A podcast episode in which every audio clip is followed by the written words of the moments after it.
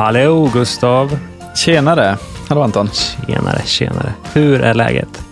Det är bra med mig, absolut. Det är bra. Sitter Ja. i, eh, på ett eh, hotellrum ute och inventerar träd i Sverige.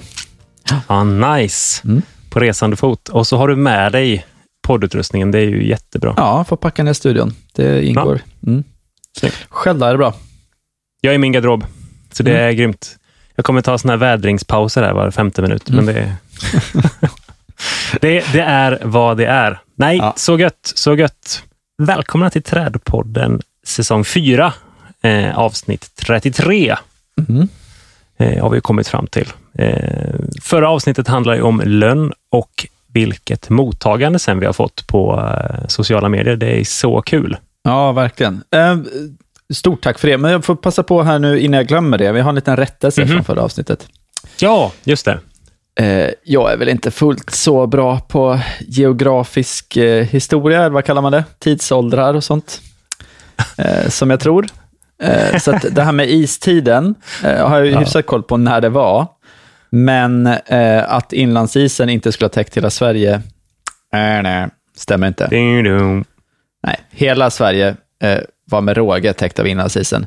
Så nu är det bara ännu mer av ett mysterium varför, eh, varför Navellönnen och Avenboken bara finns i södra Skåne. Eh, Ja. Så det, det, får ni gärna, eh, kom och berätta. Var, varför gör de det? Det får någon förklara. Hemskt gärna. Så tar vi upp det i nästa avsnitt i så fall. Och ödmjukaste tack till lyssnaren som var uppmärksamma och på, påtalade det här. Det är skitbra. Ja, det är viktigt att vi är sakliga. Ja, Absolut. det är det. Det är det, det, är det verkligen.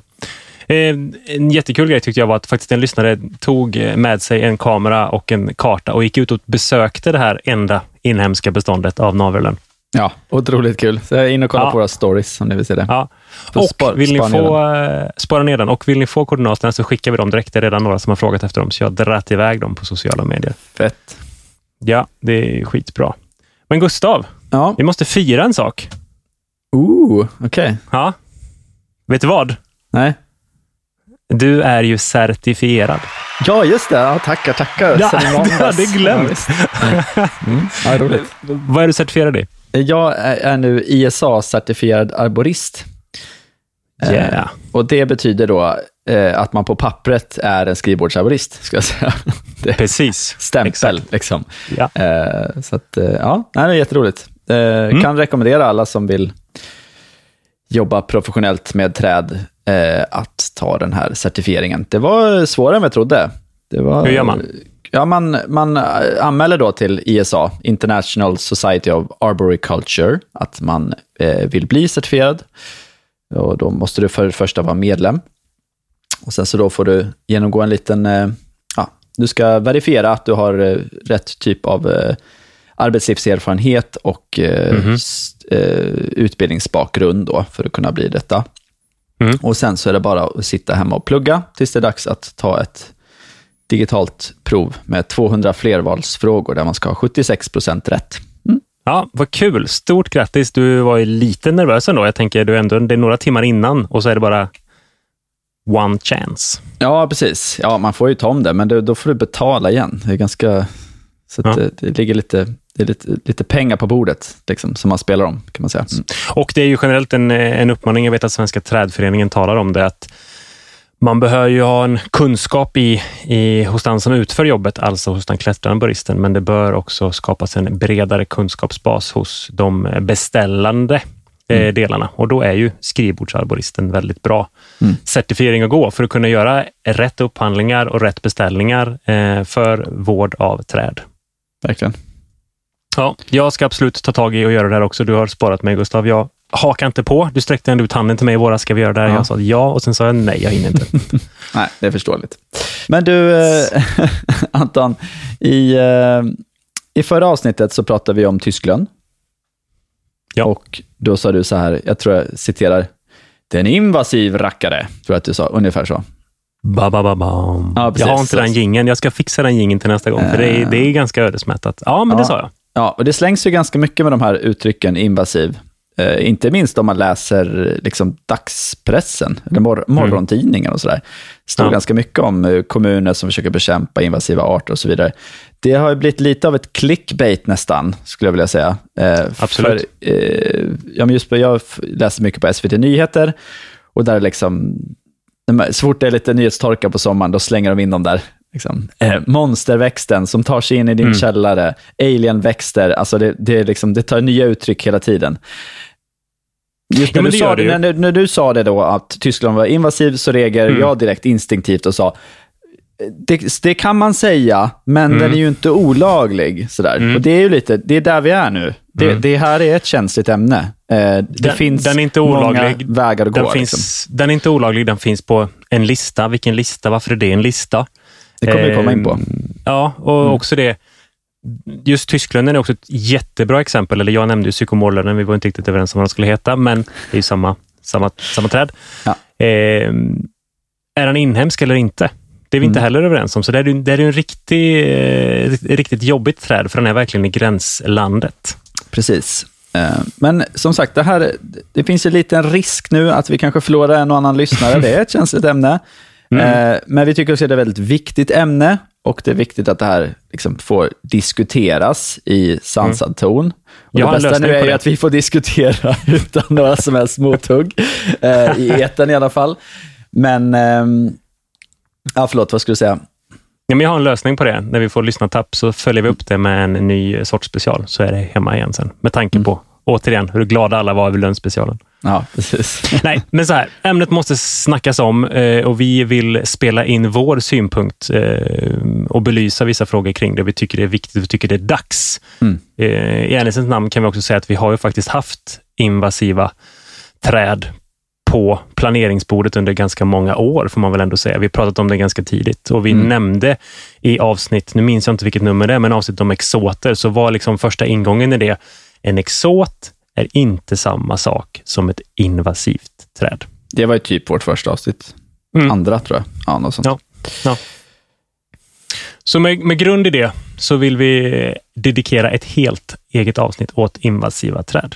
Precis, vi kommer reda ut skillnaden på invasiv och exot. Eh, vi kommer gå igenom Artdatabankens eh, berömda lista.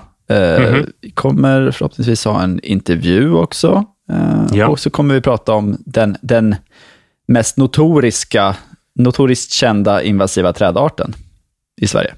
Mm. Elefanten i rummet. Mm. Mm. All right. Då kör vi. vi kör.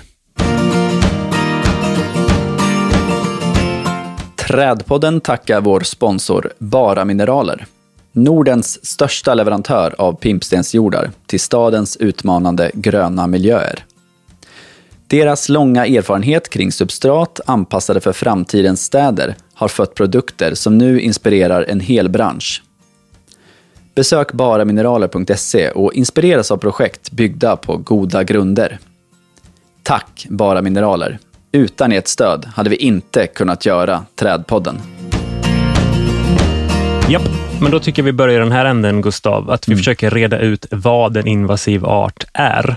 Eh, växter, djur eller organismer som har eller sannolikt kommer att spridas till inhemska eller minimalt förvaltade växtsystem och orsaka ekonomisk och eller miljömässig skada. Genom att utveckla självbärande populationer och på sikt bli dominerande eller störande för dessa system som det utvecklats i. Mm. Hängde du med? Ja, det tycker jag. Det är inte, det är inte, det är inte piece of cake. Eh, och man är tillbaka till eh, inhemska och den diskussionen. Eh, men det är ju lite intressant tycker jag i inledningen här att också nämna att det är ju inte bara växter utan det kan ju också vara djur och organismer. Absolut. Men jag tycker det mest intressanta i den här meningen är ju att den kan spridas till inhemska eller minimalt förvaltade växtsystem. Mm, Det vill säga att man redan här så avgränsar man ju, säger att en botanisk park, där kan inte något vara invasivt. Just det. Eller hur? För det, det är ju inte att, en eh, minimalt förvaltat växtsystem. Det är ett Nej. väldigt förvaltat växtsystem. Där tror jag att många inte håller med dig, för då tror jag många åberopar landsgränsen. Ja, men, men, men om vi ska följa den här definitionen, vart du nu har Mm. hittat den, eh, får du gärna eh, spesa. men, Mm, Om det absolut. Det kommer, en, det kommer en länk till den. Ja, men så här också då. Absolut. Man talar ju om vart den kan så att säga utvecklas och få fäste. Eh, men om vi inte går in på träden, så till exempel så nämns det ofta smörbult, en Mm. eh, asiatisk fisk som är ett Mm. problem eh, i våra svenska hav. Kommer med ballastvatten med fraktfartyg. Precis. Ja. Eh, signalkräfta Mm. är en annan invasiv art som har slagit ut den inhemska flodkräftan. Det som jag går och tänker fula tankar om eh, på kvällar och på morgnar i min egen trädgård. Eh, mördarsnigeln, spanska Mm. skogssnigeln. Absolut. Eh, det är också en art som har så att säga flyttat på sig och växer och frodas och utvecklas eh, och säkrar sin egen närvaro i ett system som den inte är inhemsk i. Ja. Men om vi då tar det vidare till att prata om hur vi kan känna igen Mm. om en art skulle kunna ha eh, potentialen att vara invasiv, så Mm. finns det en liten enkel checklista där som man skulle kunna följa. Ja. Eh, jag har skrivit delar av den själv, men det har hämtat från lite olika eh, fakta på nätet som jag hittat, som jag också kommer dela på Linktree sen. Eh, men då kan man så att säga komma fram till, säg att man nu är en växtjägare, eh, alla Henrik Sjömans dignitet, Mm. och stöter på eh, den här växten när man är på en, på en växtjägarresa, så finns det vissa varningsklockor. Det nämnde ju Henrik också i sin intervju. Mm. Ja, den där kanske vi faktiskt inte ska plocka med oss, men det kanske Kan vi inte är värt det. uppmana alla lyssnare nu att om ni inte har lyssnat på avsnittet där vi intervjuar Henrik Sjöman, jag tror det kanske var avsnitt 28 eller något sånt, eh, ja, strunt samma, eh, gör det innan ni lyssnar på det här avsnittet. Jag tror att det är Mm. bra bakgrund faktiskt. Ja, ja. ja, precis. Men då finns det vissa saker som kan tala om eh, för oss om ett, eh, ett träd, pratar vi om nu med fokus på träd, då, kan bli eh, invasivt i vår svenska fauna. Mm. Först då, det finns brist på, på hot, Mm. alltså brist på man säger kanske rovdjur, alltså saker som äter plantan, Mm. eller sjukdomar och patogener som faktiskt håller växten i schack. Alltså det vi Mm. talar om en sund konkurrens. Den släpps inte in som Eh, som Facebook kanske var på den helt nya digitala sociala mediemarknaden. Det är ju en invasiv art. Vilken känga! Om ni Tjong. undrar varför Trädpodden inte finns på Facebook, eh, eh, så är det så att eh, både jag och Anton skyr Facebook. Ja. Eh, och, Och- eh, och från man och med måste ha ett Man bannade. måste ha ett privat konto för att kunna ha ett företags eller ett, liksom ett organisationskonto där. Så därför Mm. blir det inte av. Nej, där gick de Nej. bet på ett... Ja. eh, Och från och med idag då så kommer vi aldrig kunna skapa ett konto heller. ja. Nej, men ett exempel på det. Det finns ingenting som kan reglera växten, eh, i detta fallet är det trädet, eh, på den här nya marknaden, eh, läs då nya landet Mm. eller nya platsen. Det är en sak. Växten eller trädet har väldigt goda möjligheter att producera stora mängder frö och då har man också en väldigt god grobarhet ner till det enskilda fröet. Eh, Alternativt rotskott, eh, antar jag. Alternativt, ja. Nu är vi först på frön, men Mm. absolut, rotskott är en annan del. Mm.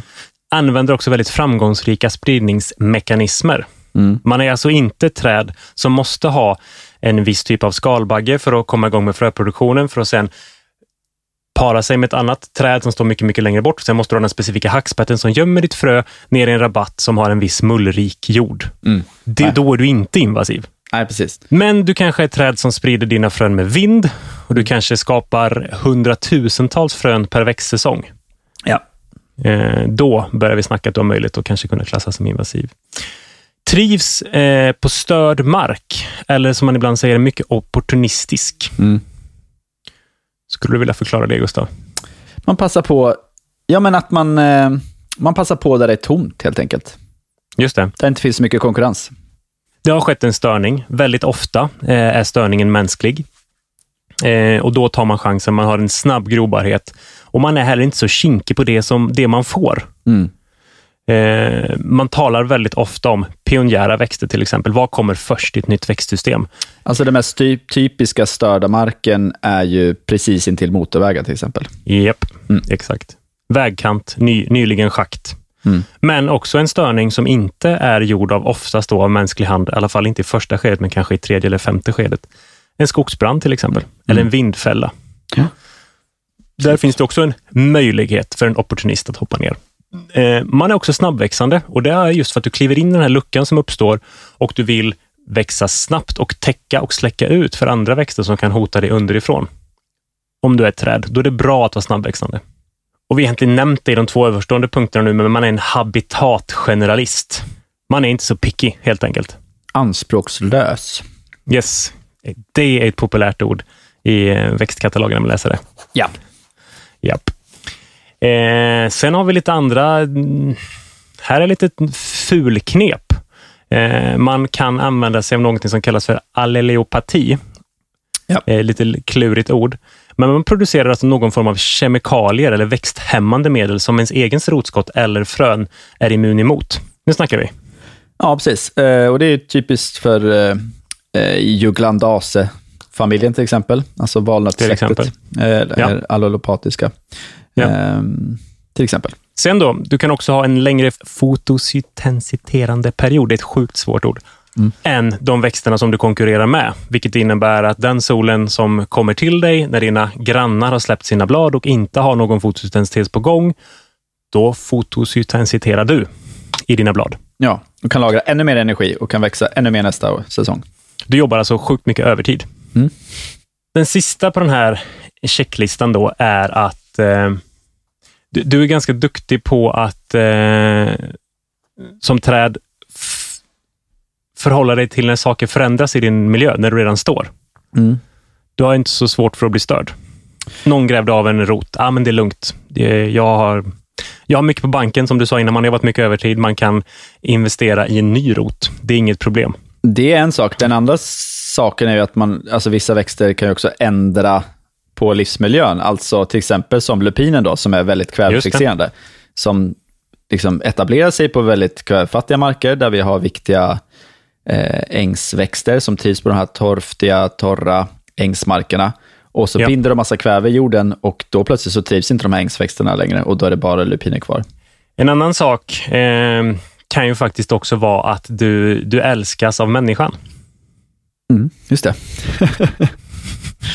Lupiner till exempel. Eh, Ja. Det är till och med så att lupiner har ju blivit en vän av byråkratin när det är så att till och med Vägverket har sått den i flera, flera år på våra, på våra vägslänter runt om i Sverige. Till exempel.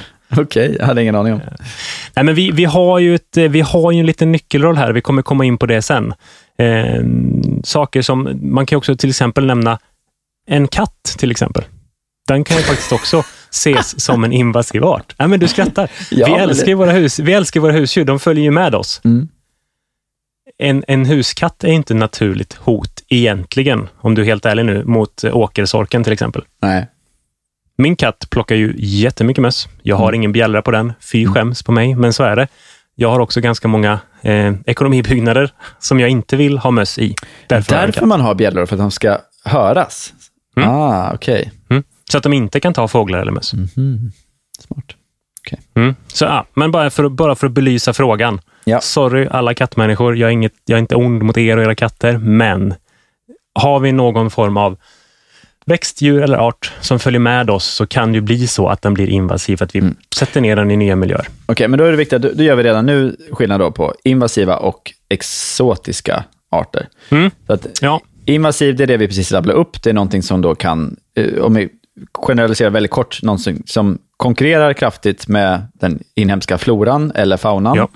Eh, och eh, dessutom då att liksom ändrar på miljöer så pass att de eh, kan, kan ta över, eh, helt enkelt. Exotiska växter, det är ju allt som inte är in, inhemskt. Att en växt är exot, det har vi pratat om tidigare, men det betyder inte per automatik att den har med sig sjukdomar. betyder inte per automatik att den är invasiv. Eh, det betyder enbart att den eh, inte är inhemsk inom Sveriges gränser. och det är där man måste börja eh, och göra skillnaden. Mm. Det är absolut förbjudet att skriva ett lika med tecken mellan exot och invasiv. Mm. Vi Det kan vi ändå det. skriva. Ja, det är vi överens om. Absolut. Trädpodden tackar vår sponsor Stångby plantskola. Stångby producerar växter av högsta kvalitet och är en av Sveriges största producenter av E-certifierade träd. Med ett E-certifierat träd från Stångby vet du trädets proveniens och kan vara säker på att trädet är härdigt och virusfritt. Vill du läsa mer om Stångbys sortiment av e-plantor? Gå in på stångby.nu. Tack Stångby! Utan ert stöd hade vi inte kunnat göra Trädpodden.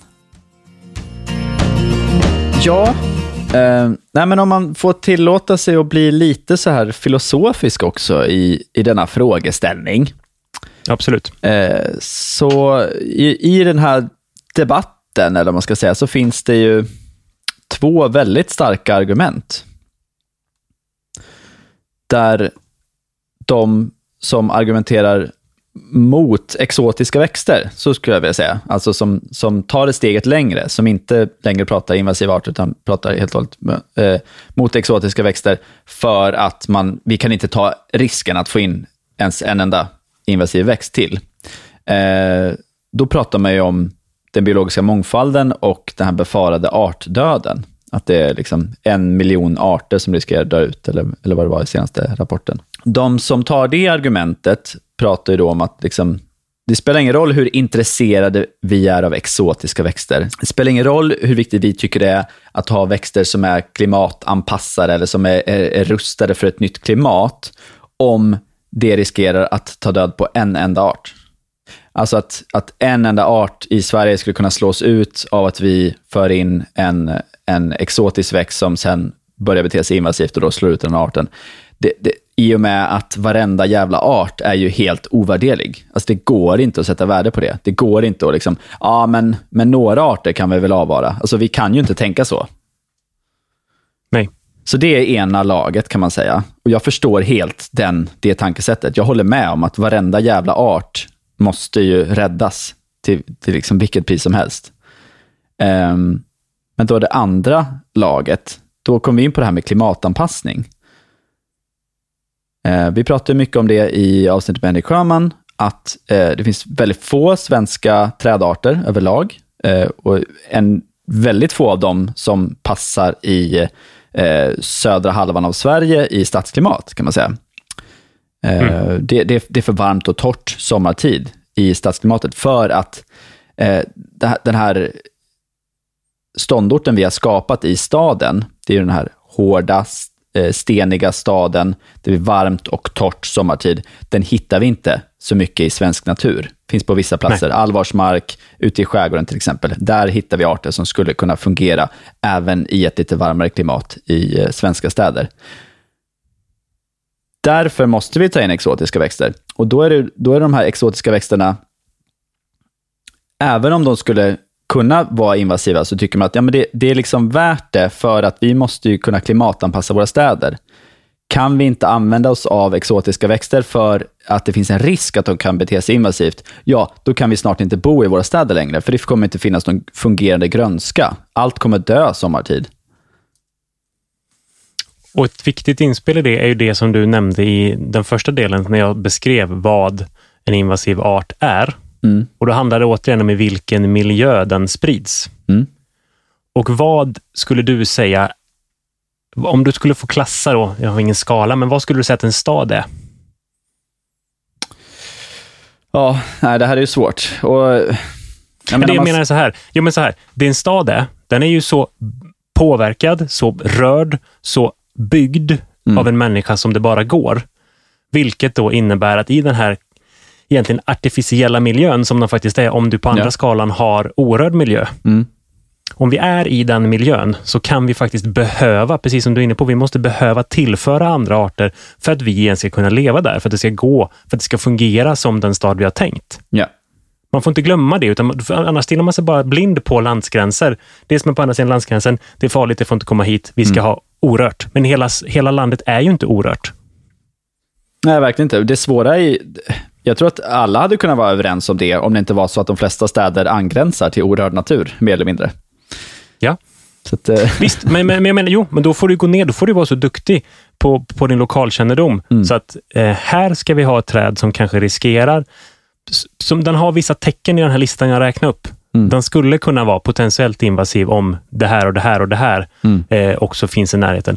Då använder vi inte den i angränsande miljö till eh, naturreservat, orörd mark eller Natura 2000-områden, men vi kan använda den inne på ett torg, eller på en innergård eller på en takterrass. Mm. Ja, men det, då kan vi sammanfatta det egentligen. Vi har ju löst det. det vi ställer bara yep. lite, lite högre krav på alla som planerar där ute, så, så kan vi få bukt med det här. Eller? vi sätter väl också fingret på att det är inte så lätt. Det här Nej. med listor, alltså det är inte så svartvitt. Vi har påverkat jorden så otroligt mycket så vi måste ta till de möjliga växter som vi faktiskt kan använda oss av för att skapa en miljö som fungerar. Som också faktiskt kan minska en klimatförändring. Ja. Nu märker jag att nu kanske jag tar ställning till ett lag här i din argumentation. ja, men, men jag kanske ska det, fortsätta vara Jag går igång. jag går igång på det här, förlåt. Men det, ja. ja, men det är, det är jätteviktigt att diskutera. Eh, och, och, eh, Jag kan tycka att i traditionella medier har den här eh, anti-exotiska växter-rörelsen fått ganska mycket utrymme på senare tid. Mm. Ja. Eh, kontra eh, de som eh, värnar om gröna städer. För ja. om man verkligen ska värna om gröna städer, ja, då måste man acceptera att vi använder exoter. Men jag, jag tror vi, vi, vi lämnar det här lite kort nu. Eh, för vi var, du var ju lite inne på det alldeles nyss, ju, människans påverkan. Mm. Eh, och vi är ju inne i den här tidsåldern nu som, som börjar vid industrialiseringen, kan man säga, antropocen. Ja. Eh, och antropocen handlar ju egentligen om att det är ju människan som är den invasiva arten. Alltså mm. det är, det är vi och globaliseringen eh, som har befolkat så mycket större ytor och större delar av världen än vad som borde vara möjligt. Alltså till exempel mm. bara vi nordbor här uppe, vi bor ju där det är alldeles för kallt. Alltså man ska inte kunna bo här egentligen. Eh, men mer eller mindre. Sen är det klart, vi har ju bott här långt, långt längre än, än eh, sen industrialiseringen. Men, men det finns ju ändå någonting i detta. Att vi, eh, människan har ju spridit sig över jorden på ett väldigt, väldigt ja. effektivt sätt på en ganska kort tid. Och med oss har ju vi tagit med oss våra kulturväxter. Vi har också påverkat jorden på så otroligt många sätt. Mm. Eh, och det, jag vill inte dra det så långt som att säga vi är den största invasiva arten på vår jord. Men... Men du sa det precis. I här, men i den här tabellen som vi har liksom talat om, mm. så eh, jo, vi är ju väldigt duktiga på att anpassa oss till nya klimat, till nya mm. miljöer eh, skapa miljöer där vi kan fortplanta oss och så vidare. Så att jag mm. menar, bara för att få saker i sin kontext. Nu är jag ytterligheten här när jag mm. nämner den här delen. Men har ni inte sett, eh, nu kommer det in ett kulturtips här från sidan också. Det finns faktiskt, jag vet inte om den ligger kvar på SVT Play. Den heter Antropocen. Okay. Se den. Det är en jättebra dokumentärfilm om hur vi påverkar vår planet. Bara genom att flytta jordmassor till exempel, vad händer då? Ja, det är helt otroligt. Okej, okay, men då finns det ju ytterligare liksom en, en riktigt extrem tanke, skulle jag ändå vilja säga, eh, okay. i, eh, ja, när vi är inne på det här ämnet. Eh, och Det finns en teori, då, eller man ska kalla det, eller en filosofi, som man kallar den nya Pangea. Eh, Pangea kanske ni känner till, det är ju alltså den, den enda kontinenten. Det fanns ju, en gång i tiden så, så fanns det bara en kontinent på jorden, det var Pangea, och sen så har det den delat upp sig under miljontals år i eh, flertalet kontinenter. Och när det skedde så, eh, så, så, delade man ju på... Eh, eh, ja, när landmassorna delade på sig och det kom hav emellan så var det ju arter som liksom eh, förflyttades till olika sidor av jorden och sen har utvecklats åt olika håll och blivit till nya arter och underarter och så vidare, och nya familjer. Ehm, men vad är nya Pangea då? Jo, det är att globaliseringen har gått så långt, alltså handeln med varor framförallt, tänker man ju på då, har gått så mm. långt att eh, det går inte att backa eller hindra det här.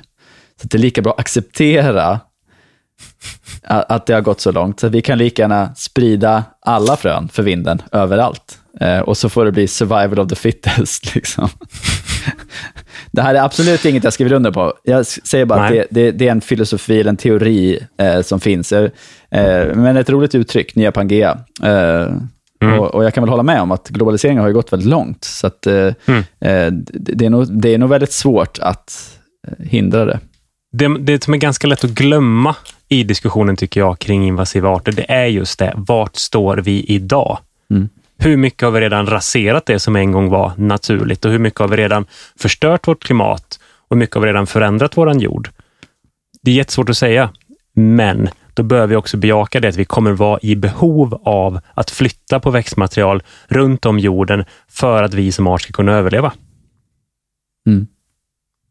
Okej, okay, bra. Vi har nämnt det så här då. Vi har nämnt att vi har påverkat väldigt mycket av, eh, av jorden. Mm. Men det finns ju fortfarande miljöer som inte är påverkade lika mycket. Du bor ju ändå väldigt lantligt. Du går ut mm. från knuten och ut i, i naturen. Hur orört är det där egentligen? Det är inte alls speciellt orört.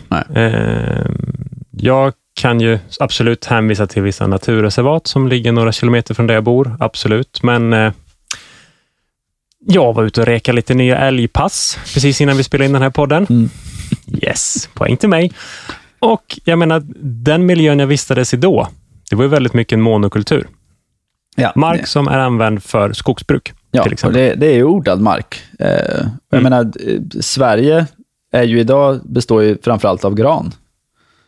Och det ja. har ju, innan människan började med skogsbruk, inte varit den här eh, lika betydande art i svenska naturen. Absolut inte. Nej. Så att, så att det, det, det mesta av det vi kallar natur är ju redan kraftigt påverkat av människan. Ja. Alltså begreppet urskog, vi har nästan ingen urskog kvar i Sverige. Nästan ingen överhuvudtaget. Få, få procent, väldigt ja. få procent. Mm. Och självklart ska vi vara rädda om den, det är inte det vi säger. Men vi säger också det att ska vi kunna få drä drägligt klimat eh, de kommande generationerna här på, på jorden så bör man nog bejaka den här frågan i kanske lite större perspektiv. Ja, precis. För det, det är ju inte det jag säger heller, utan jag, jag säger ju att eh, vart ska vi börja? Vart ska vi börja mm. i de här tankarna mm. att, att återföra eh, den, den inhemska naturen och, och eh, skydda den inhemska floran? Ja, då måste vi börja med skogarna och försöka få dem att efterlikna mer hur, hur det såg ut innan de var odlade helt enkelt. Och vilka förutsättningar ger vi då en så kallad inhemsk återskapad natur att få bli det kommande 50, 100, 200, 300, 500 åren med tanke på att vi också har en klimatförändring? Mm. Och dessutom då, i och med att vi odlar skogen som en monokultur många gånger, så gör vi ju faktiskt, eh, eller vi, vi, eh, vi blir ju mer sårbara för invasiva växter dessutom.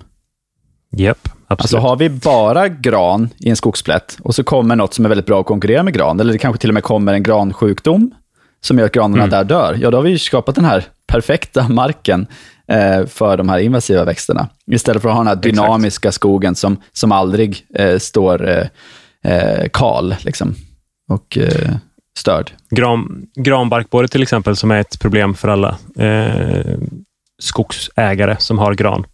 Eh, det finns ju forskning på det som visar jättetydligt på att blandskog, mm. mycket, mycket mindre granbarkborre, den kommer fortfarande att finnas. Vi kan inte utrota granbarkborren eh, så länge det finns gran och vi mm. kan inte utrota granen heller. Det blir väldigt svårt. Det blir också fel eh, bara för att den har en sjukdom. Men angreppen på gran i en blandskog är mindre. Vi vill tacka vår sponsor Mareld Landskapsarkitekter. Mareld bidrar med grönblå design för en hållbar livsmiljö genom innovativ landskapsarkitektur med hjärta och mod. Tack Mareld Landskapsarkitekter. Utan ert stöd hade vi inte kunnat göra Trädpodden. Ja, vi har ju pratat lite om den här listan. Vad är det för lista vi har pratat om? Jo, det är så att, eh, nu ska vi få det, få det på rätta sidan här. Det är Naturvårdsverket har ju gett Artdatabanken, som är eh, i uppdrag, att ta fram en lista på potentiellt invasiva arter. Den här är skriven 2018. Vi kan lägga ut en länk till den. Den är väldigt intressant att scrolla igenom. Eh, och där i början är det ju djur och sen så är det andra typer av eh, mossor och annat. Eh, sen kommer vi till kärl, kärlväxter då, så då är det ju alltså allt ifrån örtartade växter till vedartade träd. Jag har väl tillåtit mig att sålla lite i den listan. Vi, tänkte att vi ska ändå ta upp några lite så här, både roliga och inte roliga, men, men några arter som, som ni alla nog känner till, men kanske inte känner till att de finns på den här listan. En pulshöjare kan vi kalla det. ja, precis. Men det här är då alltså växter som har potential att bli invasiva eller redan är det. Så jag har valt ut eh, det som man kan tolka som träd och eh, de absolut vanligaste, de, de flesta av er lyssnare kommer känna igen eh, på den här listan. Mm, precis. Som vi kanske ändå ska passa på att nämna då.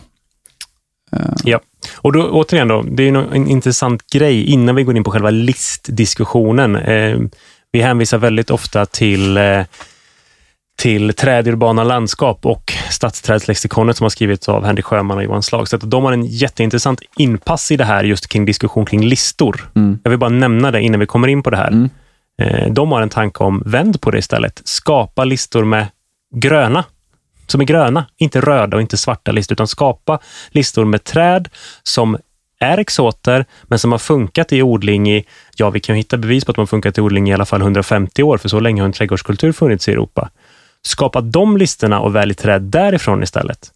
Det är ju en helt annan fokus och en mycket, mycket bättre positiv effekt. Ja, en Så det ska vi ha med, tycker jag. Jävla makt hos den som sitter med den listan. Här har man gärna Ja, pillat på. så, må, så är det ju. Men samtidigt en väldig makt om du sätter något på en röd eller en svart lista också. Ja, så jag vill bara säga precis. det. Jag tycker det är ett bra inspel i den här diskussionen. Men okej, Gustav. Eh, vi har prickat för lite grejer här. Mm. Vi går i bokstavsordning. Okej, Eh, Acer pseudoplatanus, Precis. Tyskland, psykomorlen. Tyskland. Och då har man ju då eh, kategoriserat det här i invasionspotential och ekologisk effekt. De rangordnar det från 1 till 4. Och eh, just Tyskland då har fyra på båda, så det, är liksom, det blir inte högre potential än så. Den, är, den, är, Okej. eh, den har ett- väldigt högt samlat riskutfall helt enkelt. Mm, all right, vi går vidare. Ytterligare en lönn, Acer Jinnala. Ja, precis. Hög invasionspotential, men låg ekologisk effekt. Alltså den sprider sig, men eh, kommer inte slå ut eh, inhemska arter. Okej. Eh, Aesculus hippocastanum, hästkastanj. Ja, där har vi ytterligare en sån där eh, riktigt, eh, ja, det, det, det, det är ju lite förvånansvärt att den är med på listan. Liksom. Eller det är väl en sån folk höjer på ögonbrynen Ja. över. Nu behöver vi inte vara så oroliga över den, för jag tror att den kommer dö ut ganska snart i och med eh, kastanjeblödarsjukan. Men den är också väldigt eh, hög potential och eh, hög ekologisk effekt. Eh, Amalancher. Ja, eh, nu ska vi se, jag har ju fuskat lite, för det är ju i princip alla amelanger som vi har som buskar och häckar är med på den här listan, men just den här som är vanlig som träd, arborea eller grandiflora, eh, är Mm. inte med på den här listan. Eh, men om vi tar den vanliga amelange lamarca, alltså prakthägg mispel, så är den ganska hög invasionspotential med väldigt låg ekologisk effekt, så den kommer väl inte heller förbjudas inom den närmsta tiden i alla fall. Och den har ju också sjukdomar som påverkar den i Sverige, Mm, till exempel. precis. Ja. Eh, Pinus mugo. Vi hoppar raskt Eller vänta, ner. det är någon som har skrivit något. Varför har du skrivit jordgubbe i listan? För att den är med på listan. Det är inget träd, Nej. men eh, jo, Fragaria ex ananassa, det är alltså hela jordgubbsarten. Eh, är, eh, Okej. ja, den, den är etablerad och har en hög invasionspotential med väldigt låg ekologisk effekt. Pinus, Pinus mugo. Ja, bergtallen. Mm. Ehm, det, ja, men det, det är kanske inte något man tänker på i första hand. Å andra sidan, Nej. här nere i Skåne så kan man ju hitta den sådär, ute i skogen. Mm. Eh, den har väldigt hög in, eh, invasionspotential och eh, tre av fyra på ekologisk effekt. Så det, det är också en sån här ganska allvarlig växt då faktiskt. Sen står ju Pisia chits- chitsensis, svårt ord att säga, sitkagran. Ja, precis. Det är mycket lättare på svenska. Sitkagran. Ja, mycket lättare. Och den har ju använts i skogsproduktion. Eh, används kanske inte lika mycket idag, men det finns bestånd med sitkagran, absolut. Mm. Eh, Den är ju ett problem till exempel, vet jag, längs eh, Norges sydligaste västkust. Mm. Där en superfint klimat, där den kliver in under befintlig vegetation och sätter så mycket nya plantor. Till exempel. Ja. Vad har den i listan? Den är väldigt hög eh, invasionspotential, med väldigt låg ekologisk effekt. Populus ex canescens. Ja, precis. Det är faktiskt flera popplar som är med. Eh, Berlinerpoppel, gråpoppel, Ontariopoppel och silverpoppel, balsampoppel. Eh, ännu fler, ja. Eh, Okej. Som är med på den här listan. Men de har eh, samlat eh, intryck är att de inte har så eh, hög ekologisk effekt, men ganska hög invas- invasionspotential. Sen har vi ett annat eh, träd som följer med människan, Pyrus communis. Ja, just det. Päronet. Och det, där tänker man nästan att, för jag menar, den ser man så ofta i ängsmark och annat, att det, det är väl en inhemsk växt, eller? Men eh, nej, men däremot så eh, i och med att det står att det är en produktionsart, så har den inget utfall, alltså på samlat diskutfall. Det, det går liksom inte att avgöra. Jag vet inte riktigt hur man har eh, hamnat där. Nej, Ehm, nej. Men detsamma Det gäller ju- faktiskt på... Eh, det, det diskuterade vi om i Prunus-specialen. Vi pratade eh, Prunus cercifera, alltså körsbärsblommon. Den är ju också med på den här listan. Just det. Just det. Och den tänker man ju att ja, men det är väl en vild växt, för den ser jag så ofta, i alla fall i Skåne, liksom, i, i naturen. Ehm, men det, det, ja, den är etablerad, men den eh, är inte inhemsk eh, och eh, har ganska hög invasionspotential och ganska låg ekologisk effekt. Eh, det här är Syringa vulgaris. Här, när jag läste det första gången så blev jag rätt upprörd faktiskt, när jag såg det. Ja, men det spelar ingen roll. Den, eh, eh, d- den är ju inte från Sverige då, alltså hamnar den högt upp på listan. Och den har maxat fyra invasionspotential och fyra ekologisk effekt. Eh, Men det jag tycker är ganska synd om när man läser den här listan, det är ju norrlänningarna. Ja, Det är mycket växter här som, som är liksom en, en av de få vedarter växter som, är, som funkar uppe i norr. Eh, och, och de vill man då föreslå att, eh, att man ska liksom reglera eller begränsa eller till och med förbjuda. Eh, det, vad, det, vad händer med, vi sabbar ju ordstäv. När ska skomakarna ha semester? just det, mellan hägg och syren. Mm. Ha? Nej, men okej, nu skämtar jag lite. Du behöver inte gå till Norrland. Alltså, det finns växter här. Jag tycker att syren i trakten där jag bor och jobbar med det här är en viktig växt. Ja, men om man tänker så här, i, i Malmö, så syren är ju är en ganska vanlig växt, men den går också att ersätta. Eh, Mm. Men är du uppe i zon 5, nej, då har du inte mycket att välja på. Liksom. Då, ska det vara, eh, då betyder den otroligt mycket, så ska jag säga. Ja, precis. Mm. Och då menar jag, med det sagt, med det jag sa innan med ordstävet, det finns också kulturella kopplingar som faktiskt är viktiga. Mm. Och när det då inte finns någonting du kan stoppa in i den luckan, vad, vad händer då totalt sett med den biologiska mångfalden man bestämmer sig för att utrota syren? Mm. Jag tycker det är, ja, tål att funderas på. Men Gustav, nu har vi dragit igenom den här listan Ja, och vi har faktiskt inte nämnt, eh, så att säga, trädet på alla släppar, elefanten i rummet. eh, den finns ju såklart med på den här listan. ja, Eh, vilket träd är det? det är gudaträdet. Ailanthus altissima, eller på engelska Tree of Heaven. Just det, precis. Det är mycket passande namn, inte. Det är liksom bakvänt. Ja, men det är ju att Borde- den reser sig mot skyarna. Alltså den, den växer fort Mm. uppåt. Jag tror det, Mm. det är därifrån det kommer. Eh, men i USA, vi, många kallar den ju nu Tree of Hell. Mm. Eh, Den borde få ett nytt namn. precis, men eh, vi kan direkt komma in på det. Det är något jag har liksom reagerat lite om, eh, eller på, när man har skrivit om den här i medierna. Att då är det den här monsterväxten som spränger sig in i källare och som lyfter plattor och spräcker asfalt. Eh, Maskros i lignosformat. Ja, absolut. Den lyfter plattor. Det gör också ask till exempel, som kan eh, också börja gro som frö mellan två plattor. Eh, Det gör också fläder till exempel, som väldigt gärna står precis intill en husvägg och liksom knör sig där mellan eh, dränering och, och eh, hårdgjord miljö utanför. Jag har sett en eh, litteraturstudie på vilket träd som förstör mest ledningar i Sverige. Vet du vilket träd det är? Ah, det måste vara någon jävla poppel, eller hur? Malus. Ja, men det är bara för att det är vanligaste Mm, varför trädet. då? Ja, precis. Det är det jag menar. Jag är helt inne på det du är inne på också. Det där säger inte så mycket att vi har växter som förstör vår så att säga, byggda miljö. Mm. Nej, det säger nog Eh, mer om vår nej. byggda miljö. Absolut. Men okej då, lite snabb fakta om gudaträdet. Eh, precis som du sa, Ailanthus altissima. Eh, hästarna från Kina. Mm. Eh, I Sverige så trivs den bra i zon 1, kanske zon 2, Mm. vart nu våra zoner går, som vi brukar tala om Ja. ibland. Precis. Hör till familjen Cimarobaceae. Jag tycker det är svårt att säga de här familjerna, Mm. men den hör till familjen Cimarobaceae. Eh, och inom släktet finns det fem arter idag, Mm. men det är, ju, det är ju Allianthus altissima som är den mest kända. Mm.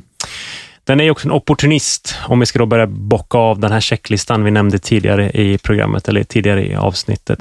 Den är också en generalist. Alltså det där anspråkslös igen, den kräver inte speciellt mycket av sin växtplats där den finns. Den står ut med det mesta. Den står ut med ganska dåliga markförhållanden. Den står ut med eh, damm från en arbetsplats till exempel. Mm. Den kan också väldigt effektivt lagra vatten i sitt eget rotsystem, vilket gör att den klarar att torka väldigt mycket bättre än väldigt många andra stadsträd. Den har också ett annat namn eh, på kinesiska, bland annat. Mm. Eh, kort och gott trädet som luktar skit. Mm. Okay. Så det, det, är en annan då del av det i, mot det andra namnet Tree of Heaven. I beg to och differ. Alltså, okay. Skit mm, är ju ah, en ja. sak. Det här luktar ah. buljong, kanske lök skulle jag säga. Inte ah. skit, det är något helt annat. Okej. Okay. Träd som luktar saker som du inte vill lukta på då, typ gammalt härsket urin eh, har till exempel nämnts. Eh, gam, om, du, om du glömde en träningsbag när du gick på gymnasiet mm. i tre veckor längs ner garderoben och öppnade den, så eh, kan då doften från dess blommor lukta till exempel. Nej, jag håller inte med. Ja. Mm. Nej, du håller inte med, men litteraturen säger det. Ja. Lök. Mm. Eh, men krossar du dess blad så får man en väldigt speciell doft som inte är, enligt vissa, då, speciellt trevlig. Så den, mm, eh, of Heaven absolut, men den har också som sagt ett annat namn i folkmun eh, på kinesiska. Precis. Den sitter också inne med det hemliska kemiska vapnet alleleopati, kemisk krigföring. Ja. Den kan alltså ta död på andra växter, eh, men dess rotskott eller frön eh, tål den här kemiska omställningen mm. som den skapar i marken runt sig.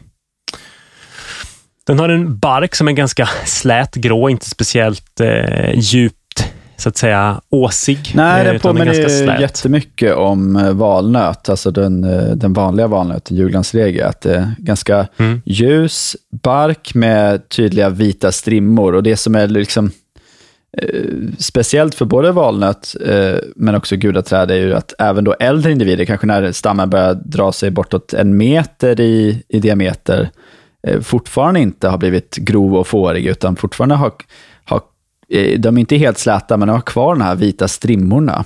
Ehm, det... Jag får känslan av att den ser hård ut. Alltså den ser så här liksom... Okay, tuff. Barken är inte så tjock, men jag tycker att den så bara... Men det kan vara att jag läser in massa andra saker ja, här. Mm. När, jag, när, jag, vet hur den är. Men alltså, mm, kom inte bråka med mig. Jag har faktiskt gjutit min stam i betong. Men typ är man, är man osäker, så här, är det här en valnöt eller gudaträd? För just svart valnöt är ganska lik eh, gudaträd, dock inte på barken ska sägas. Men, men man kanske har svårt för det här med sammansatta blad och, och eh, parbladighet. Så gnugga lite på bladen. Så just valnöt doftar ju väldigt tydligt av citrus, eller kanske lite åt barrträdshållet. Eh, gott. Ja, gott, precis. Det är aromatiskt, men eh, gudaträd som sagt luktar ju lite speciellt då. Mm. Eh, dock då när man står där och gnuggar så kan det faktiskt vara så att det luktar just det här lök, buljong och så är det en kinesisk ton, Tona sinensis.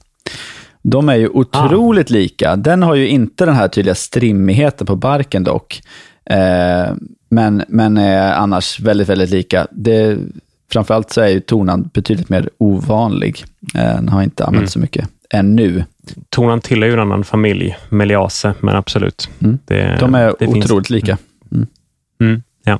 Svart valnöt är också någonting man skulle kunna blanda ihop. Eh, Precis, med men då, då ska man kolla på barken, för där har du, svart valnöt mm. har ju väldigt fint fårad bark. Uh, har vi en till check på den här invasiva eh, checklistan. Får orimligt mycket frö. Ja. Ett gudaträd, ett fullstort gudaträd. Eh, de blir någonstans runt 20-25 meter mm. när vi har dem i stadsmiljö. Det är det som är referensen. De kanske kan bli lite högre ändå ja. i sitt inhemska klimat i, i, i Asien. Eh, 350 000 frön kan ett träd släppa oh, på ett år. Det är sjukt mycket. Dessutom då är de spridda med vinden. Eh, påminner lite om till exempel om du har sett eh, frön från alm. Eh, flyger i små gråa påsar till exempel. Så ser dess frön ut. De sitter också kvar över vintern eh, hos vissa träd. Så att ett avklätt eh, gudaträd har ju liksom små, vad ska vi säga, gråa papperspåsar. Sen ska vi bara säga att de är tvåbyggare, så det finns ju hanplantor som inte får några som helst frön. Eh, så ja. hade man, de hade man ju kunnat föröka på då, ta namnsorter. Det finns ju namnsorter, om vi ska gå in på det, till exempel en väldigt trevlig som heter Sangiovese som får väldigt eh, mm -hmm. röda blad. Det finns även en Purple Dragon, eh, otroligt läcker. Och det här är ju hankloner som inte sätter frön, men de är ju lika förbjudna. För det är väl det vi inte har kommit in på än faktiskt. Vi har, inte, vi har ju pratat om invasiva arter, men det här är ju den enda av träden som är förbjudet enligt europeisk lag. Ja. Så gudaträdet är förbjudet sedan juli 2019. En sista grej om att med två, de är tvåbyggare, absolut. Det finns också forskning som pekar på att de ibland kan växla Mm. när det passar dem. Så man vet ju inte med de här framodlade hanklonerna Nej. om Eh, de bestämmer sig för att vara hanar hela livet. Mm. Återigen, den här växten är en liten rackare. Den, är, den vill verkligen föröka sig och växer väldigt, väldigt fort. Gudaträdet har ju också ett, eh, ett habitus som är ganska intressant. Det Mm. får väldigt ofta två stammar väldigt tidigt som delar sig och sen fortsätter trädet att dela sig eh, uppåt. Mm. Två skott åt varje håll. Det är väldigt, väldigt tydligt att det gör just så. Eh, dess namn eh, kommer ju också från, ja, det blir högt. Eh, då blev det högt i sitt sammanhang där det växte Mm. naturligt. Mm. Men det sträcker sig också upp mot skyn. Alltså vinkeln på grenen gör att det vill verkligen uppåt. Det ser ut som ett träd som strävar uppåt. Ja, verkligen. Och, och det här habituset är väldigt trevligt. Ett, för att få ett exotiskt inslag i en kanske lite nordlig stad, vilket gör Mm. att det blir ett positivt träd. Det är också ett trevligt stadsträd sett till sin kronarkitektur. Ehm, att få i en stad just förhållandevis smala kronor som går uppåt, som inte går rakt ut. För till Mm. grenvinklar som går rakt ut är ju kast, de måste du beskära med en gång. Så det är också en sån sak som gör att vi har plockat med oss det här när vi har byggt våra städer. Redan tidigt 1800 kom det till USA till exempel. Eh, för att det var ett väldigt lättodlat träd och det var en väldigt trevlig form att ha i våra städer. Så det är egentligen det optimala stadsträdet. Men det är lite så här, eh, drömmen var lite för bra. Det skulle jag vilja kunna sammanfatta det trädet med. Det är bara Ja, yes, precis. yes, yes, yes, yes på ett stadsträd. Men då blir det till slut no. Ja, men lite så. Åh, vi har en plats här, det är inget som tar sig, allt bara dör. Och så plötsligt Mm. sätter man ett gudaträd och wow, okej, nu här har vi något som levererar och växer två meter per år. Fan, det här är ju bara kör liksom. Ja, Varför ja. har man inte de här mer? Det, så måste man ju ha tänkt, absolut. Och en sista del som också gjort att det sprider sig så mycket över världen, det är också att det är och har varit en väldigt viktig källa i eh, historisk asiatisk medicin. Mm. Vilket också gjort då när eh, människor från Asien har rest runt om och till exempel kommit till guldruschen i USA eh, eller till andra delar i, i, i världen, så har man plockat med sig bland annat då gudaträdet. För att man vill kunna åter, eh, återanvända det och ha sin så att säga medicin eh, med sig. Både stam men även rötter har använts i olika typer av brygder. Okay. Men okej, vi kommer in på det här med att de är eh, förbjudna enligt europeisk lag. Alltså, juli 2019 så blev eh, gudaträden förbjudna bland några andra arter, eh, både Mm. växter och djur som blev förbjudna det året. Eh, och inte nog med att de är förbjudna då, så ger ju EU i uppdrag till alla länder att utrota dessa. Mm. Eh, I Sverige är det en baggis, skulle jag säga. Alltså det är hur lätt som helst. Eh, Ja i, de finns i princip bara i Malmö no, och så några få i några andra botaniska parker. Eh, I Malmö står det 170 träd och vi tänkte vi ska prata med eh, Mattias Tellander faktiskt från, från Malmö stad, från Fastighets och gatukontoret som ska få eh, svara på våra frågor här lite senare. Eh, men eh, först kan jag bara kommentera då just det här med att det är en baggis i Sverige, men hur är det då i Tyskland, Frankrike, Italien, Spanien? Det kommer bli dyrt. Så in åt helvete att utrota de här. Jag skulle säga att det är i princip helt och hållet omöjligt. Man har gett dem ett helt och hållet omöjligt uppdrag. Mhm. Har ni någon gång varit i någon av de här storstäderna? Rom, Paris, Marseille, Berlin, Barcelona. Ser omkring på det här som vi pratade om, de här störda markerna. Alltså, eh, kring järnvägsspår, kring motorvägar, kring flodbankar, eh, ödetomter och så vidare. Då ser ni de här parbladiga, riktigt snabbväxande slyet överallt. Jag lovar, er, när ni väl har lärt er att känna igen dem, då ser man dem precis överallt. Kolla på en amerikansk film. Så fort de är i någon, eh, eh, liksom i, i the hoods, så är det gudaträd överallt. Eh, på de här ödetomterna och annat. Det är med mig alla filmer jag ser från USA. Så skatefilmer inte minst. Eh, alltså, eh, såna, när man ser när folk gör skate-tricks, då är det ju ofta på väldigt speciella platser man är. Eh, det, är frekvent förekommande. Vi har, alltså- också så, vi, har ju, vi har ju så precis lika störda som vi är. Vi har ju så här störda lyssnare också, Gustav, som har skickat oss bilder. mm.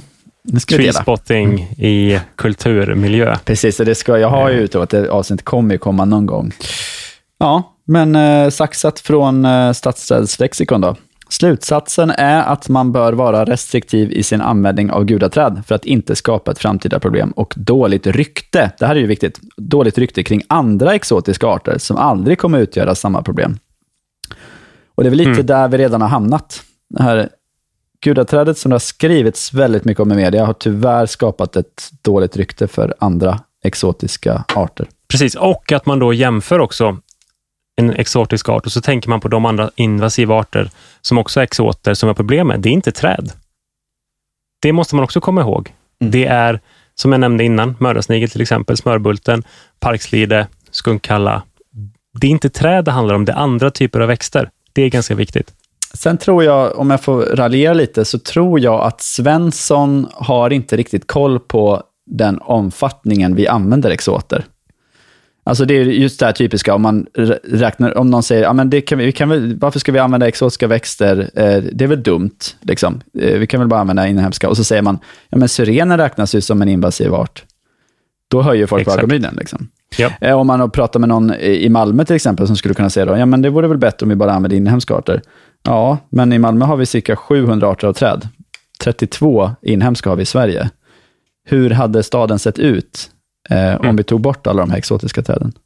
Exakt. Om vi då sen maxar alla möjliga potentiella sjukdomar och hot mot våra inhemska träd, mm. då finns det ju studier på att det vi får kvar, det är tre stycken mm. arter. mm. Det är oxel, det är avenbok och det är en. Shit, vilken snygg stadsmiljö man får av de tre. ah. Ja, trist när vi kommer upp över zon 5 då, så det är kört. Ja, något som är väldigt spännande i det här temat gudaträd, det är ju eh, Malmö stad. Ja. Det finns ju nästan inga gudaträd i Sverige, förutom i Malmö. Här har vi 170 gudaträd har jag fått reda på. Mm. Men nu, i detta nu, har de börjat såga ner några stycken. Men det är ju trots allt två år sent. Just det. Det hade varit lite roligt att höra om eh, hur de tänker, hur de går framåt eh, och hur planerandet ser ut. Jag tänker att vi ringer upp Mattias Delander som sitter i trädgruppen på fastighets och gatukontoret i Malmö stad och hör vad de håller på med egentligen.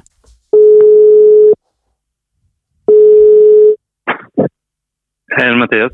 Hej Mattias, det var Anton Spets och Gustav Neslander här från Trädpodden. Hur är läget? Hejsan hej. Det är jättefint den här sensommarkvällen. Underbart. Ja, vad gött, vad gött. Jag kan säga det är precis lika fint uppe i Borås där jag sitter, så det är, det är kanon.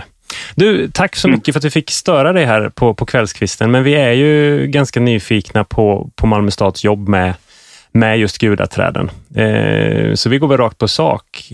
Är det så att det jobbet ni inlett nu med, med att fälla en del träd, eh, ryker alla träd nu? Japp, vi beställde det här eh, under sommarmånaderna och det ska vara klart eller klart och klart, men det ska ha satts igång innan eh, september är utgånget eftersom preparatet eh, med glyfosat eh, dras in då. Så att det, det ska inte vara möjligt längre att använda det hur som helst i varje fall. Så okay. därför har vi... Mm. Så då, då, finns det en koppling också till det, det gift ni måste använda för att få stopp på träden också med tanke på att det har blivit lite restriktioner kring det? Är det så?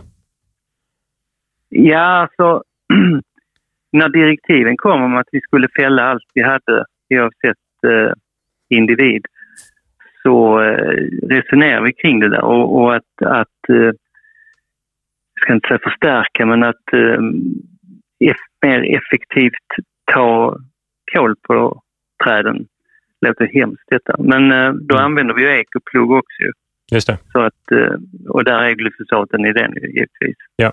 Ja. Så, så det, det pågår, vi har redan fällt en del i, i vårvintras men det rullar på här nu de kommande veckorna. Mm, mm.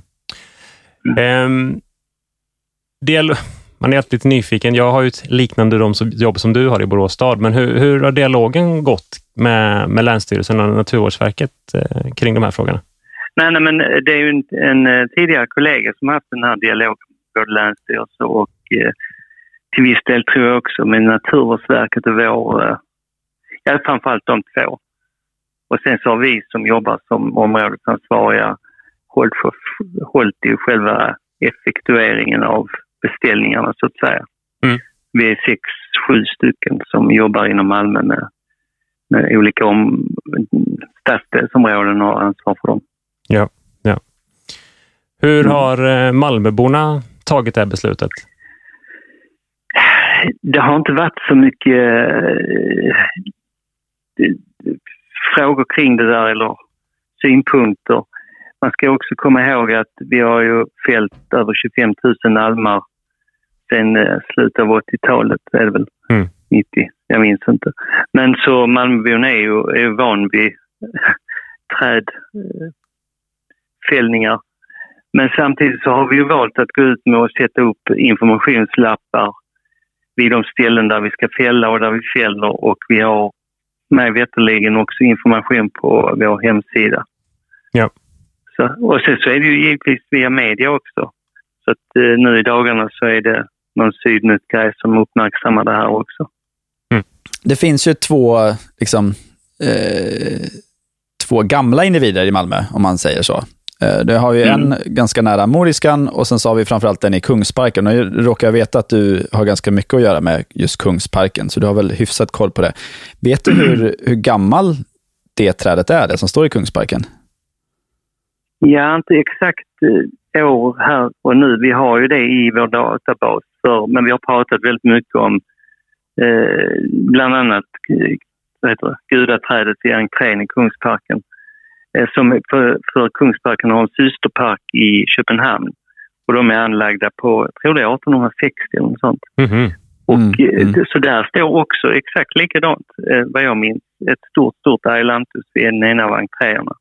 Så det bör ju vara samtida från när parken planterades. Med andra ord 150 år, va? Mm. Nej, ännu mer. Och just Ja, ja, det ja. är 170 nästan. Mm, Just, just de träden är ju alltså, lite av punktträd, båda två tycker jag. Eh, och där Mm. kan man ju nästan förvänta sig att det kommer bli någon slags protester. Men eh, eh, jobbar ni särskilt med just de två, de här gamla individerna? Är det något ni tänker särskilt på med kommunikationen med, med de, eh, de som Mm. bor nära och sådär? Nej, till saken här det är ju att vi, vi har ju förstås varit i en omorganisation och eh, bytt ansvarsytor så att numera har inte jag hand om till exempel Kungsparken utan en kollega till mig. Så jag vet inte hur det, alltså har någon detaljerad info kring det men vi har inte, när vi har suttit och pratat om det här så har vi inte mer än konstaterat att det är tragiskt att behöva ta bort det men att vi är förberedda för, för om det skulle bli ett ramaskrik från allmänheten. Mm. Ja. Mm. Jo, ni, på ett sätt har ni ju ert på er torra. Det är ju inte ert beslut. Så att, eh, Nej, det, alltså det, det här är ju någonting som vi absolut inte hade haft en, en tanke på. Vi har ju planterat ofantligt mycket, eller väldigt mycket, ailanthus de senaste åren eftersom det är så fantastiskt bra stadsträd i övrigt. Mm. Eh, så att det här, vi försökte ju spjärna emot mot eh, Länsstyrelsen och eh, men det, ja, det var, var inget att be för utan det skulle väck. Det var svårt att be för gudaträdet. Ja. hade det hade varit en tidning hade det varit rubriken. Ja, nej, men jätteintressant Mattias. Jag har gått och haft en tanke, men men du säger att det var svårt i, i dialogen med Länsstyrelsen och det var inte du som hade den. Eh. Men någonstans så där välja, välja en individ, alltså den vid Moriskan eller den vid Kungsparken eh, och säga att nej, men den här ska vara klar, den ska vara kvar eh, av ett syfte att det är viktigt att, äv- att även se hur ett sånt här träd fungerar och vi kanske ska lägga lite extra skötselinsatser kring det. Eller om man har en stor individ som står i en väldigt, väldigt lämplig hårdgjord miljö där man har ganska god koll på spridningen. Mm. Alltså vi, vi, vi nämnde, vad jag vet och vad vi pratade om så, så nämnde vi inga enskilda individer i diskussionen med Länsstyrelsen utan det var ju mer att vi var lite ifrågande till spridningsrisken för, för eh, en hel del gudaträd som står, precis som du var inne på, i eh, ganska extrema hårdgjorda ytor eh, mitt inne i, i stadskärnor. Mm. Där, där man tänker att det ska vara svårt att få någon allvarlig konsekvens för eh, omkringliggande landskap. Vilket är mycket tal om i, i grund och botten ju att skulle trycka bort våra inhemska arter. Ja, men precis. Det är ju en, en del mm. i grundbeskrivningen eh, vad, vad det gör med, med så att säga, den naturliga eller ostörda miljön. Ju. Det är det som är det intressanta mm. egentligen. Ja, ja intressant. Det, mm. För som sagt, det, du var inne på det, det är ju på ett vis det optimala eh, stadsträdet på så många sätt. Ja, vi har väl också resonerat så, alla vi som håller på och planterar och vårdar träd i, i Malmö i För, eh, när man börjar titta på det där så ett, så ett så passande träd som faktiskt får en sån stor volym och alltså, grenverk, det, de är ju lätträknade. Mm. Så att, eh, mm, nej, det, det, det är jag ska inte säga att det är en utmaning. Ja, en liten utmaning är det ju. Samtidigt är det klart att vi kommer att återplantera det här och med lik, så goda ersättare som möjligt. Ju. Vad kommer kalaset att kosta? Det är en fråga jag väldigt ofta får, så nu ställer jag den till dig Mattias. Vad kommer det att kosta att ta ner dem och ersätta dem? Jag förstår du också får den typen av frågor. Mm, mm. Eh, jag kollade lite innan eh, det här. Jag för mig att vi ska fälla totalt sett, tror jag det är 170 stycken. Och många av dem är ju, det är ju småpinnar i jämförelse med eh, den som står i Kungsparken. Och, och, och jag kan inte säga att det är någon svindlande summa utan allting är ju relativt. Men jag menar på 170 träd så... Eh, ja, man ska kanske inte uttala sig för mycket men det är inga svindlande summor det här i sammanhanget utan mm. det ryms definitivt inom ordinarie budget både mm. fällningsjobben och återplanteringen. Mm. Mm. Nej, jag vill eh, tacka så mycket Mattias. Jag kan passa på att nämna för alla lyssnare här att eh, Mattias är ju eh, enskilt den personen som haft störst inverkan på att eh, kejsarträd har blivit så populära i Sverige. Eh, det finns ju två individer av kejsarträd i Sverige eh, som är liksom de kändaste och det är på Lilla Torg i Malmö. Eh, och det, är liksom, det var de första som sådär helt säkert blommade varje vår eh, utan, eh, någonsin, eh, ja, utan att någonsin missa en, en blomning helt enkelt. och det är Mattias som har planterat dem. Så det har vi Mattias att tacka för. Och nu växlar vi då, ja. inte gudaträd utan kejsarträd. Ni hängde med på det va? Så inte det ja. blir något ja, sne, snedsteg här nu. Det kan gå lite fort ibland. Nej, precis. Men eh, tack så jättemycket för att du ställde upp Mattias. Och tack för att du har eh, eh, berikat Malmö med så många härliga trädarter. Ja, det är ett roligt jobb. Så. Jag tackar och bugar er också för att ni visar intresse för ämnet. Mm? Grymt. Ha en fortsatt trevlig kväll Mattias, så hörs vi säkert framöver. Ha det bra. Hej! Tack. Hej. Nej, men det var ju sjukt intressant att prata med Mattias, måste jag säga. Är väldigt roligt att höra hur de jobbar i Malmö och att det har ju varit en lång följetong från att förbudet kom till att man nu faktiskt eh, tar ner träden. Så att, eh, mm, spännande att höra om. Ja, jätteintressant och det är väl en av de första insatserna i Sverige av det här slaget får man väl ändå säga. Det är också därför frågan är så intressant. Ja, precis. Innan har vi hållit på med, med mer örtartade och perenna växter, men inga, inga vedartade träd i, i denna omfattningen. Nej, som plockas ner på grund av att de är invasiva då, inte så som mm. de tvingade almfällningarna som Mattias också hänvisade till. Det var ju almsjukan som plockade ner dem och inte att de var på något vis invasiva. Precis. Tack alla som lyssnat och hjälp oss gärna att sprida podden som ett gudaträdsfrö i vinden. Ja. ja, tack alla lyssnare. Eh, toppen. Tack Magnus för att du sitter och masterar det här så att det låter så bra. Eh, och tack alla sponsorer. Mm, grymt. Tills nästa gång. Ciao. Hej då.